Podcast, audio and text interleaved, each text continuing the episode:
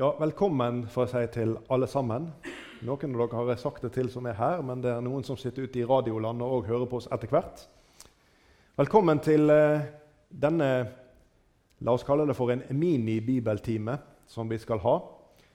Um, vi har hatt samling tidligere, mange samlinger, om et tema om tabernaklet, som vi leser om i i Mosebøkene om hvordan eh, denne bygningen ble satt opp i ørkenen etter Guds beskrivelse. Etter det bildet som Gud sa til Moses, nøyaktig etter det bildet som han viste Moses på fjellet. Tabernaklet i alle sine deler, i hvordan det er lagt ut, plassering i leiren Alt dette har Gud latt bruke flere kapitler av i Den hellige skrift, Bibelen, for å beskrive oss. Og Gud bruker ikke Masse plass i Bibelen til ting som skulle være unyttig for oss. Alle ord som er skrevet der, er skrevet oss til lærdom, for at vi skal kunne forstå Hans vilje og vei. At vi kan få et glimt av den planen han har for hver og en av oss i våre liv. At vi skal få del i den frelsen som han har gitt oss. Ikke bare i en overordna forstand, men at vi kan få dykke dypt inn i det gjennom alle disse detaljene. Gud har brukt flere kapitler på å beskrive vekt og størrelser på ting i tabernakelet. Ingenting av dette er tilfeldigheter. Alt er nøyaktig, og det har en sammenheng. Vi får bare skrape borti overflaten av en del av disse tingene, men jeg vil oppfordre deg til å studere dette gjennom andre og tredje Mosebok spesielt. Og les gjerne også Hebreerbrevet, som er på en måte den nye pakts oppfyllelse av mye av det som står beskrevet her i den gamle pakt og tabernaklet, og det som står beskrevet omkring det. Vel, det ble en litt lang prolog. Det er slik at eh, Sist gang jeg talte her i Arken, så hadde vi for oss eh, eh selve innhegningen. Altså området rundt tabernaklet. Denne hvite duken. Vi sa at eh, tabernaklet var plassert midt i leiren. Og vi sa at det var plassert tre stammer nord, tre sør, tre øst og tre vest. Israel var tolv stammer. Vi sa noe om eh, tabernaklet sin renhet. Jeg forklarte litt om, og vi leste om denne innhegningen, hvordan den er lagd av hvitt lin. Hvordan den står i kontrast til leiren med alle disse skitne, grå, og svarte og brune teltene som er prega etter ørkenvandringen. Og så denne, denne, denne innhegningen som bare lyser av renhet og hellighet, og den kontrasten som er deri. Og så snakket vi om den porten som finnes inn til denne innhegningen. Med ca. tre meter høyt sånn hvitt lin rundt alt. Du kan ikke se inn for den som gikk rundt. Og på en måte så kan vi si at Dette hvite hellige det blir på en måte et bilde av at her er det adgang forbudt. Her passer en ikke inn, at det som er på utsida, er skittent og urent. Og der inne der er alt hellig. Men så har Gud gjort en port på den østre sida. En port som er sånn ca. tre meter høy, og som er ti meter brei. Det skal være enkelt. Den er bare et teppe som henger foran, sånn at det er ingen tung dør å lukke opp. eller sånn. Det er for liten eller stor. Alle sammen er velkommen inn. Den som har bruk for å komme inn i Guds nærhet, kan enkelt finne veien inn gjennom denne store åpningen som Gud hadde lagd i denne innhegningen. Når det gjelder tabernakelet, funksjonen og betydningen, så handler dette alt sammen om et bilde av det som skulle komme. Det er et bilde av, av det frelsesverk som Gud hadde tenkt ifra evighet av. Det som Skriften lærer oss at han hadde tenkt ut før denne verdens grunnvoll ble lagt. Gud ble ikke tatt med overraskelse der i Edens hage når mennesket synda og, og, og, og, gjorde synd mot han og ble adskilt fra han. Gud visste om at det kom til å skje. Og han hadde allerede, før han skapte alt dette, tenkt ut en plan og dette, dette, som han gjør med israelsfolket, det, det folket som han velger ut, som vandrer gjennom denne ørkenen eh, på vei mot det lovede land, det er i alle deler bilder av det som møter oss i livet på vandringen frem imot det evige land som Gud har lovt oss, vi som hører Han til. Og Så var folket ulydige underveis. Og så så Gud at de trengte dette tabernaklet. De trengte et sted hvor det kunne gjøres offer for synd, for at de skulle kunne ha fellesskap med Gud alt sammen et bilde på det som skal komme i den nye pakt. Gud han sa til Moses, vi leser 2. Mosebok 25 og vers 8.: La dem bygge en helligdom for meg, og jeg vil bo midt iblant dem. Og denne gangen så har jeg lyst til å stresse det som jeg har streka under, som dere ser, dere som sitter her i arken. Jeg vil bo midt iblant dem. Gud ønsker å bo midt iblant Israels folke gjennom vandringen i ørkenen. Og Gud vil bo midt iblant oss som vandrer med Han i denne tid. Han ønsker fellesskap med hver og en av oss. Selve oppsettet for eh, tabernaklet er slik. Det er en innhegning rundt. og Dere som sitter her i arken, ser nå et bilde på skjermen her. En innhegning rundt, og inne i denne innhegningen, når man går inn porten, så kommer man til dette brennofferalteret. Litt lenger frem, mot selve tabernaklet, så kommer man til et vaskekar, det store kobberkaret, der foregikk det en vask, en renselse, før prestene kunne gå inn i det rommet som er det første når man kommer inn i tabernaklet, det hellige. Innenfor der igjen der er det et rom som heter Det aller helligste. og Der inne går ypperstepresten bare én gang om året. og Da står det 'og da ikke uten blod'. Da gjorde han en, syn, en, en soning for alt folkets synd. Og Så er det en del gjenstander også inne i tabernaklet, men nå i dag så skal vi se for oss og ta for oss forgården. Forrige gang så var vi altså på utsida, og vi snakket om porten. I dag så tar vi steget inn forbi dette teppet, denne åpningen, adgangen inn til forgården. Syndens problem for oss mennesker det henger ved oss etter det som skjedde i hagen. At vi har fått avstand til Gud. Og når det gjelder i den gamle pakt og disse menneskene som var i ørkenen, så hadde de bruk for å få gjort soning for denne synden. Så de som altså kommer inn denne porten i, til denne, denne forgården, inn i denne innhegningen, det er mennesker som har bruk for å gjøre opp med Gud. Det er mennesker som velger å komme inn denne porten. De tar et aktivt valg for å gå inn denne porten for at det skal bli gjort et offer for den synd som de bærer i sin liv. Synden den skapte problemer for mennesket da og nå. Vi skal lese noen bibelvers. 1. Johannes 1,5. Og dette er det budskapet vi har hørt av ham og forkynner dere. Gud er lys, og det er ikke noe mørke i ham. Ikke noe mørke i Gud, kun lys. Og Så leser vi videre i 1. Johannes 1, også vers 8. Dersom vi sier at vi ikke har synd. Da bedrar vi oss selv, og sannheten er ikke i oss. Noen mennesker ønsker gjennom egen innsats å på en måte tilfredsstille Guds krav. Ønsker å leve et så godt og ryddig og greit liv som mulig. Ønsker å være snill med sin neste. Ønsker å delta i forskjellige typer hjelpearbeid og opptatt av gode gjerninger. Alt dette er bra, men det har ingenting med frelsesspørsmålet å gjøre. Bibelen den lærer oss at dersom vi sier Hvem er vi? Det gjelder alle mennesker. Dersom vi mennesker kunne vi sagt, sier at vi mennesker ikke har synd Og så kan du sette navnet ditt der. Jeg kan si Dersom Morgan sier at han ikke har synd, da bedrar han seg selv, og sannheten er ikke i ham. For det er nemlig din og min tilstand som menneske overfor Gud. Gjelder dette virkelig alle, sånn som jeg sa? Ja, det står skrevet slik i Romerne kapittel 3 og vers 22-23. Der leser vi at det er ingen forskjell. Alle har syndet og mangler Guds herlighet. Så vær ikke i tvil, du som hører disse ordene. Du som jeg har forbrutt deg imot de Gud, bud som Gud gav som kreves av oss 100% og det er umulig å rette det opp igjen ved egen hjelp. Konsekvensen av dette leser vi i Romerbrevet kapittel 6 og vers 23. For syndens lønn er døden. Bibelen taler om en evig død, ikke bare en legemlig død, slik som vi opplever det når noen går bort. Men vi snakker her om en død, den tilværelsen som skal være etter etter dette livet som vi lever her på jorda. En evig død, borte fra Gud, i fortapelsen, sammen med djevelen og hans engler, lærer Bibelen oss. Dette er virkelig. Og dette er syndens problem for mennesket.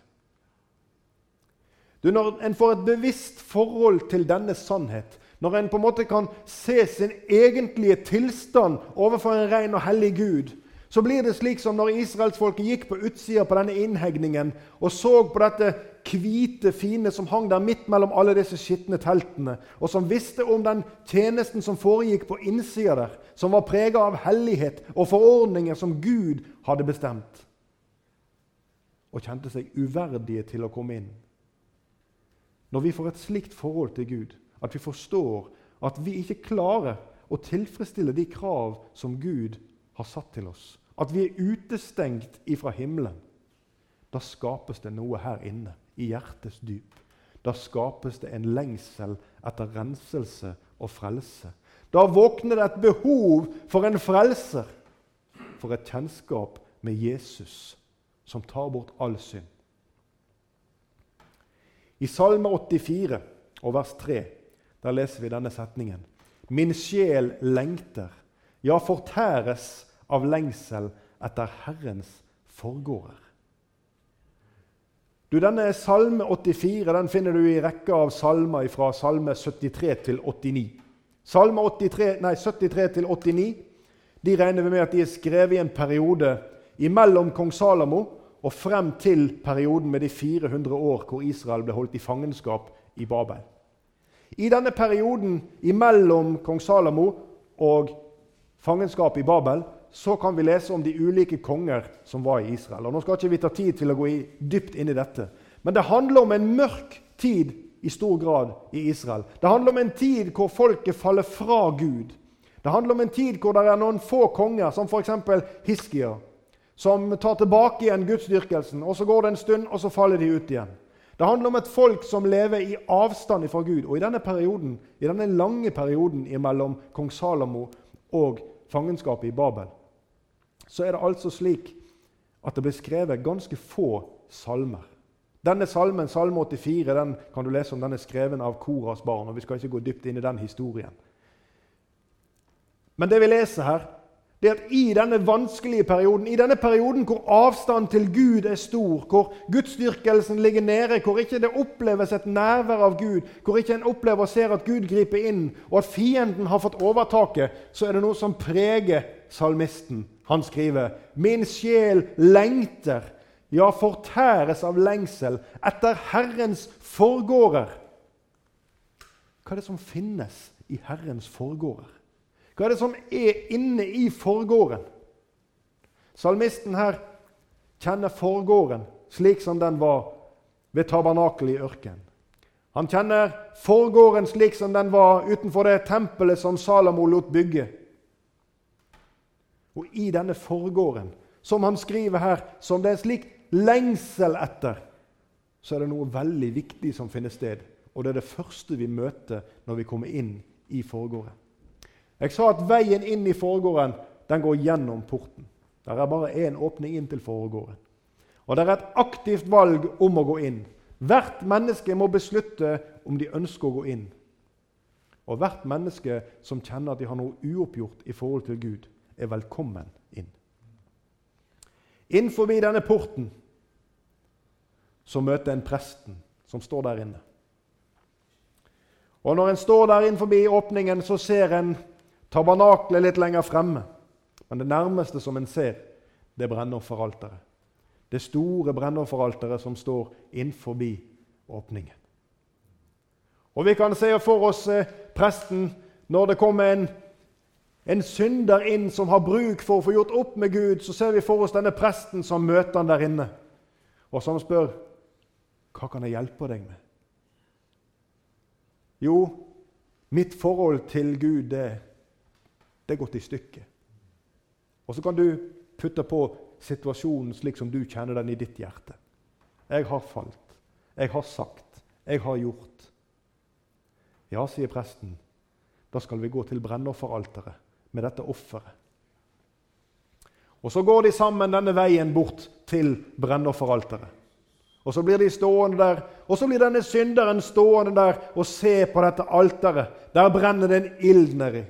Og her skal det ofres oppå dette brennofferalteret. Dette offerdyret som han har med seg. Og Vi leser Hebreabrevet kapittel 9 og vers 22. Dette gjaldt i den gamle pakt, og det var premissene for den nye pakt. Frelsen i Jesus. Det står og uten at blod blir utgitt, blir ikke synd tilgitt. Vi synger en sang når det gjelder oss som lever i vår tid. Det kostet Jesu blod å frelse meg en dag. På denne tid så kom denne synderen, og la oss tenke, det var forskjellige typer offer. La oss tenke oss at han har med seg et lam. Og Han kommer frem og han står her med dette brennofferalteret sammen med presten. Og Han betrakter dette lammet. Og så vet han at dette lammet, det må nå dø. Nå skal dette lammet bli stukket, slik at blodet skal renne av det, og så skal det ofres her på brennofferalteret. Du, Det må et uskyldig offer til. Det måtte et lyteløst, et uskyldig offer til som soning for synd. Alternativet er at synderen må dø.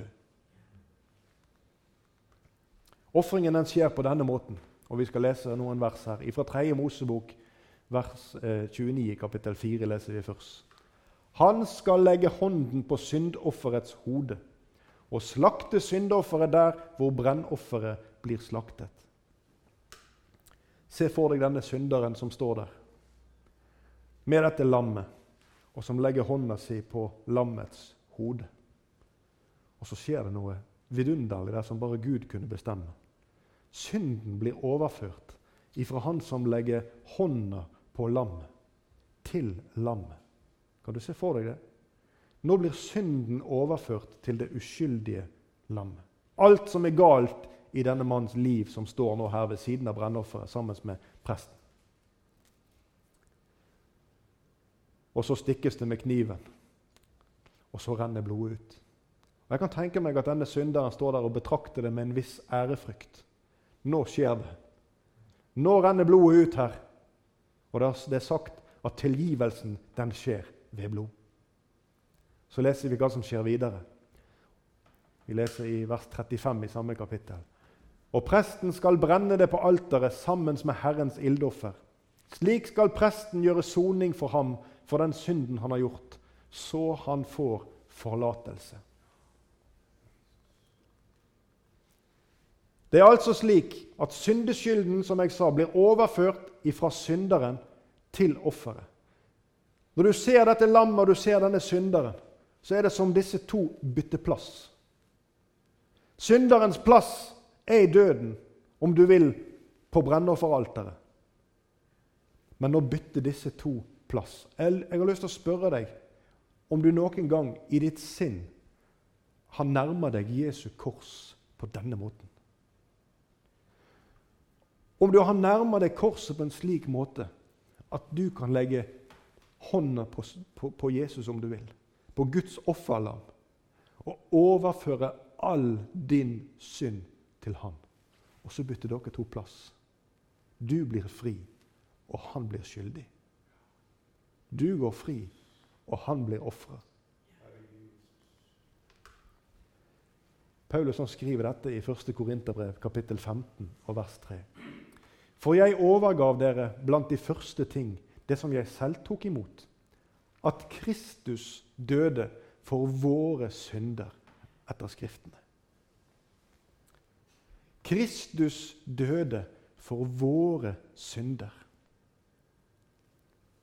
Kan du ta det inn over deg i ditt liv, at ikke det er bare noe sånn abstrakt som finnes der ute, noe som vi snakker om her, og som du leser i Bibelen din? Dette det gjelder deg, min venn. Kristus døde for dine synder, for at du skal ha fred. For at du skal bli frelst. Han tok din plass. Kan du klare å se deg sånn? Kan du klare å legge alt på Jesus og se på Jesus som din stedfortreder? Den som tar på seg all skyld og dom.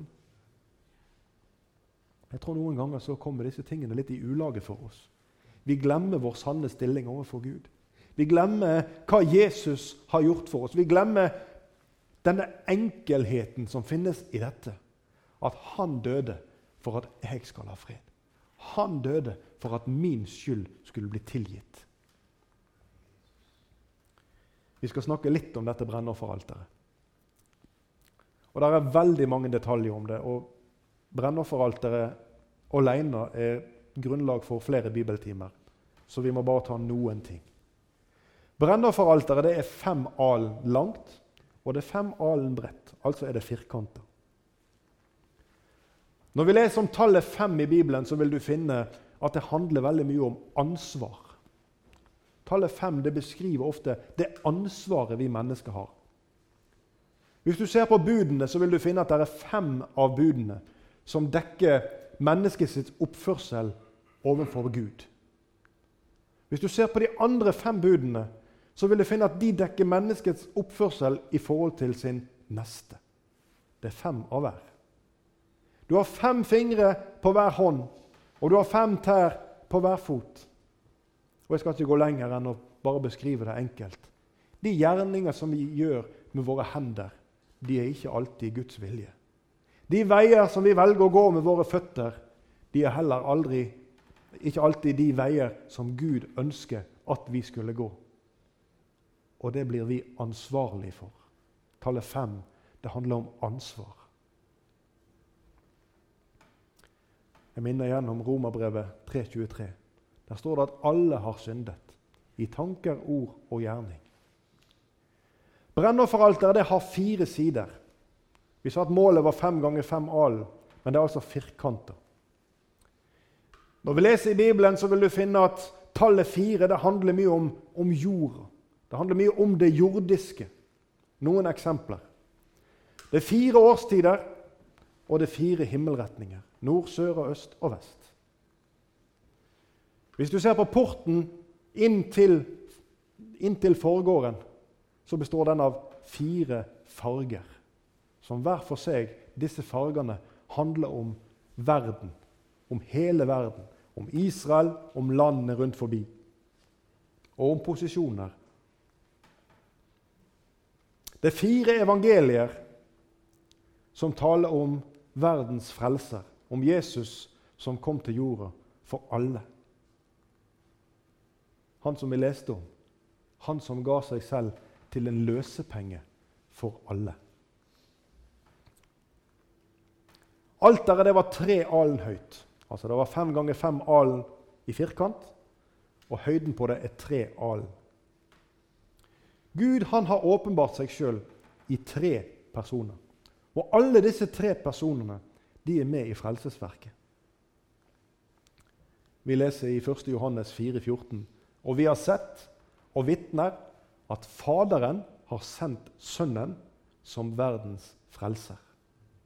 Faderen har sendt Sønnen som verdens frelser. Så leser vi Galaterbrevet kapittel 2 og vers 20.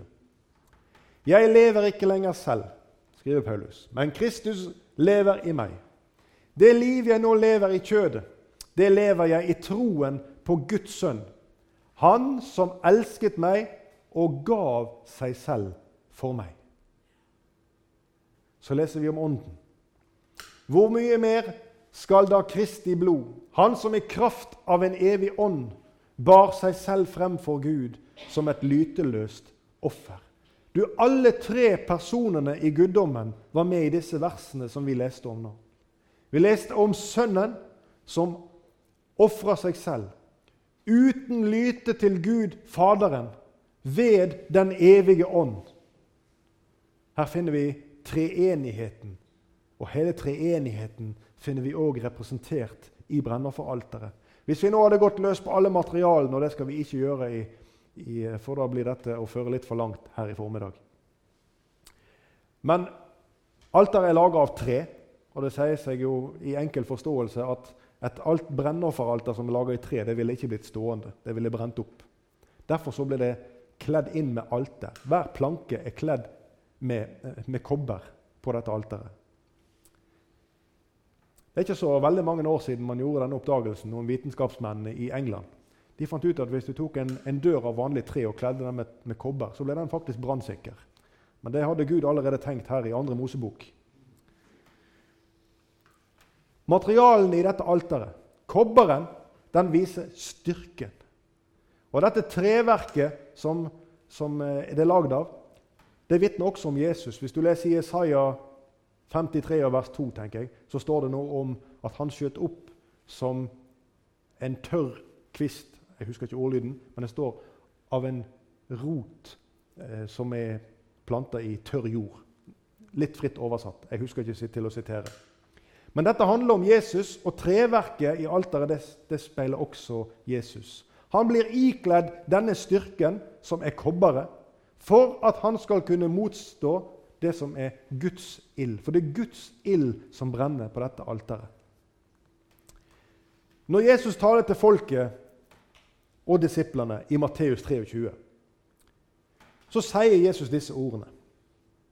Dere blinde, hva er størst, gaven eller alteret som helliger gaven? Kanskje et bibelvers som du og kanskje flere noen gang har lurt på. Hva betyr egentlig dette? Hva er størst, gaven eller alteret som helliger gaven? Dette er litt av grunnen til at jeg ønsker å beskrive brennofferalteret for deg. For egentlig både brennofferalteret og renseselskaret og de tingene som finnes inni tabernakelet, alt sammen, det peker på Jesus i hver enkelt del og i hver bestanddel av hver av de tingene som er lagd. Dette alteret det er altså større enn offeret. Mannen kom jo her, Denne synderen kom jo her med et lam som han ville ofre for sin synd. Og så leser vi nå altså at alteret er større enn offeret. Dette alteret det helliger offeret. Og alteret det er etablert av Gud. Det er en av de tingene som Gud ba Moses lage, nøyaktig etter det bildet som han viste ham på fjellet. Og alteret i hver del for seg, det vitner om Jesus. Jesus han er begge deler. Jesus er både alteret og offeret. I reklamen så sier de 'og ikke nok med det', for det strekker seg enda lenger. Jesus er også presten, fordi vi leser om Jesus at han ofret seg selv. Så Jesus han utgjør offeret, han utgjør presten, og han utgjør sin del av treenigheten som alt finnes i brennofferalteret. Forstår du? Når vi bare skraper litt borti overflaten av brennofferalteret. Det er utrolig mye lærdom i dette. Men hva om vi synder på nytt, da? Kanskje det var den første tanken denne mannen etter han har sett at presten har lagt brennofferet opp på alteret, og at han ser at røyken stiger opp, og dette brennofferet det fortæres av ilden. For det er Guds ild som brenner på dette alteret. Det er ikke en ild som presten har tent opp. Det er Gud som har tent denne ilden. Det er hellig ild. Og Så står han der og betrakter dette brennofferet som forsvinner opp i røyk. Og så slår han en tanke. Hva om jeg synder på nytt? Hva om vi gjør noe nytt i morgen? Og Så vender han seg til presten og så sier han, 'Hva skal jeg gjøre da?' Svaret til presten i den gamle pakt vil være, 'Da må du komme tilbake igjen hit.' Du må komme tilbake igjen hit med et nytt offer, slik at vi på ny kan gjøre offer for den synd som du har begått. Og Så sier kanskje presten til mannen, 'Ser du her rundt deg?' Ser du at her er ingen stol her i denne her foregården? Det er ingen sted hvor jeg kan sette meg ned. Og det er heller ingen stol inne i det hellige eller i det aller helligste. Nådestolen var ikke noe som presten kunne sitte på. Det er ingen plass å sette seg ned, fordi at den tjenesten som jeg har, sier presten, den tar aldri slutt. Det er hele tiden offer som må gjøres for synd. Slik var det i den gamle pakt. Det var et stadig offer for synd. Vi leser i Hebreerne 10,11. Og hver prest står daglig frem og gjør tjeneste, og bærer mange ganger frem de samme ofrene, de som aldri kan bære bort synder. Stadige offer. Men i den nye pakt Etter Jesu døde oppstandelse så er det kun ett offer. Ett endelig offer. Og her, her i denne pakten så finnes det en stol for denne presten som har gjort denne tjenesten. Jesus, vår ypperste prest. Vi skal lese Hebreerne 10, vers 12. Men Jesus har båret frem ett eneste offer for synder og har deretter for alltid satt seg ved Guds høyre hånd. Fikk du det med deg? Her har det skjedd en stor forandring i forhold til den gamle pakt. Jesus har båret frem ett eneste offer. Det var han selv. Det står ikke med blod av bukker og kalver, men med sitt eget blod gikk han inn i helligdommen og fant en evig forløsning. Og deretter for alltid satt seg ved Guds høyre hånd. Det som skiller prestens tjeneste og Jesu tjeneste, det er at Jesus, når han var ferdig med offeret sitt I det offeret er ferdig, så ropte Jesus noe som presten aldri kunne rope. Han ropte 'Det er fullbrakt'. Da var det over. Da var det endelige offer gjort. Aldri mer skulle det trenges offer for synd. Din synd, du som hører dette, i fortid og i nåtid og i all fremtid, ble betalt ved Jesus. Det finnes ingenting som skal vederfares deg gjennom ditt liv som ikke du får tilgivelse for i Jesu blod når du venner deg til Han. Alt er betalt for på forskudd. Vi leser i Hebreerne 10, 18. Men der det er forlatelse for syndene, trengs ikke lenger noe offer for synd. Halleluja. Det trengs ikke mer noe offer for synd. Du og jeg kan ikke betale for denne synd som vi har gjort. Jesus har betalt én gang for alltid. Og jeg vil spørre deg har du funnet veien inn gjennom dette forhenget, inn til forgården? Fordi at hver den som har sett sin sanne stilling til Gud, er velkommen inn hit for et møte med presten. For et møte med, med presten og en veiledning bort til dette brennofferalteret, slik at det kan bli gjort et endelig oppgjør. Alt dette som vi har vært igjennom i dag, det vitner om den frelsesgjerning som Jesus gjorde i den nye pakt for deg. Johannes han vitner om det offerlam som ble gitt for deg. Døperen Johannes. Du leser i Johannes evangelium kapittel 1 vers 29. Da ser han Jesus komme gående, og så peker Johannes, og så sier han høyt, som alt folket hører det, Se der Guds lam som bærer bort verdens synd. Johannes kjente ikke Jesus, men han vitner om han som skulle komme. Den tjenesten hadde han fått. Og han peker på Jesus og erklærer der er Guds offerlam. Der er han som skal betale for alt. Han skal bære bort all verdens synd. Inkludert din og min. Uansett hvilken tilstand du måtte ha i ditt liv.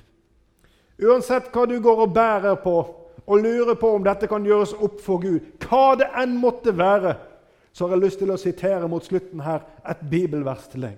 Noe som du kan ha som en knagg i livet ditt hver gang du føler deg uverdig for Gud. Hver gang du føler at du har gjort eller sagt eller tenkt noe som skulle være utilgivelig. Hver gang djevelen kommer og minner deg om at du er en taper, at du ikke kan leve som en kristen, at ikke du fortjener Guds frelse, at ikke du får det til. Hver gang du har det slik, så vil jeg at du skal huske disse ordene som jeg skal sitere fra Guds eget ord nå, fra Johannes 6, 37. Hør Guds løfte til deg. Og den som kommer til meg, vil jeg slett ikke støte ut. Uansett, min venn, syndens størrelse eller form, Jesus støter deg aldri ut. Han ønsker deg velkommen, og han stryker bort din syndeskyld. Det er en gammel sang som jeg bare skal lese noen vers på. Jeg har en venn som har gitt sitt liv for at jeg skal få leve. Det finnes intet alternativ, det nytter ikke å streve. Fordi jeg lever så milevidt ifra Guds vilje med livet mitt. Fikk jeg dommen slik lød den, du skal dømmes til døden. Denne dommen er absolutt, og den kan ikke ankes. Men når jeg innser at alt er slutt, har Gud en frelsende tanke. Til jorden sender han Jesus, som tar på seg både min skyld og dom. Og når han drepes uskyldig, blir min dødsdom ugyldig. Tenk, jeg skal ikke dø for de. Jesus døde i stedet. All min dødsangst er nå forbi. Den er byttet med glede. Ja, Jesus, hjelp meg å klart forstå at det livet jeg lever nå, det er ditt liv alene. Det er deg jeg skal tjene. Herre Jesus. Herre, vi har vært innom noen av de tingene som står skrevet i ditt ord, Herre. Og må du hjelpe oss her å sortere imellom alle de ord vi nå har hørt, Herre Jesus. Og Herre, må du bevare essensen av dette i hjertene våre, Herre. Hjelp oss å forstå, Herre, det du gjorde for oss. Hjelp oss å forstå betydningen av det du har latt skrive for oss, for at vi skal finne glede, ja, trøst, Herre Jesus, i den tid vi lever i. Og for at vi skal kunne vite, Herre, i våre hjerter med sikkerhet at vi er på himmelveien, Herre for du har betalt alt. Priset være du, Herre. Amen.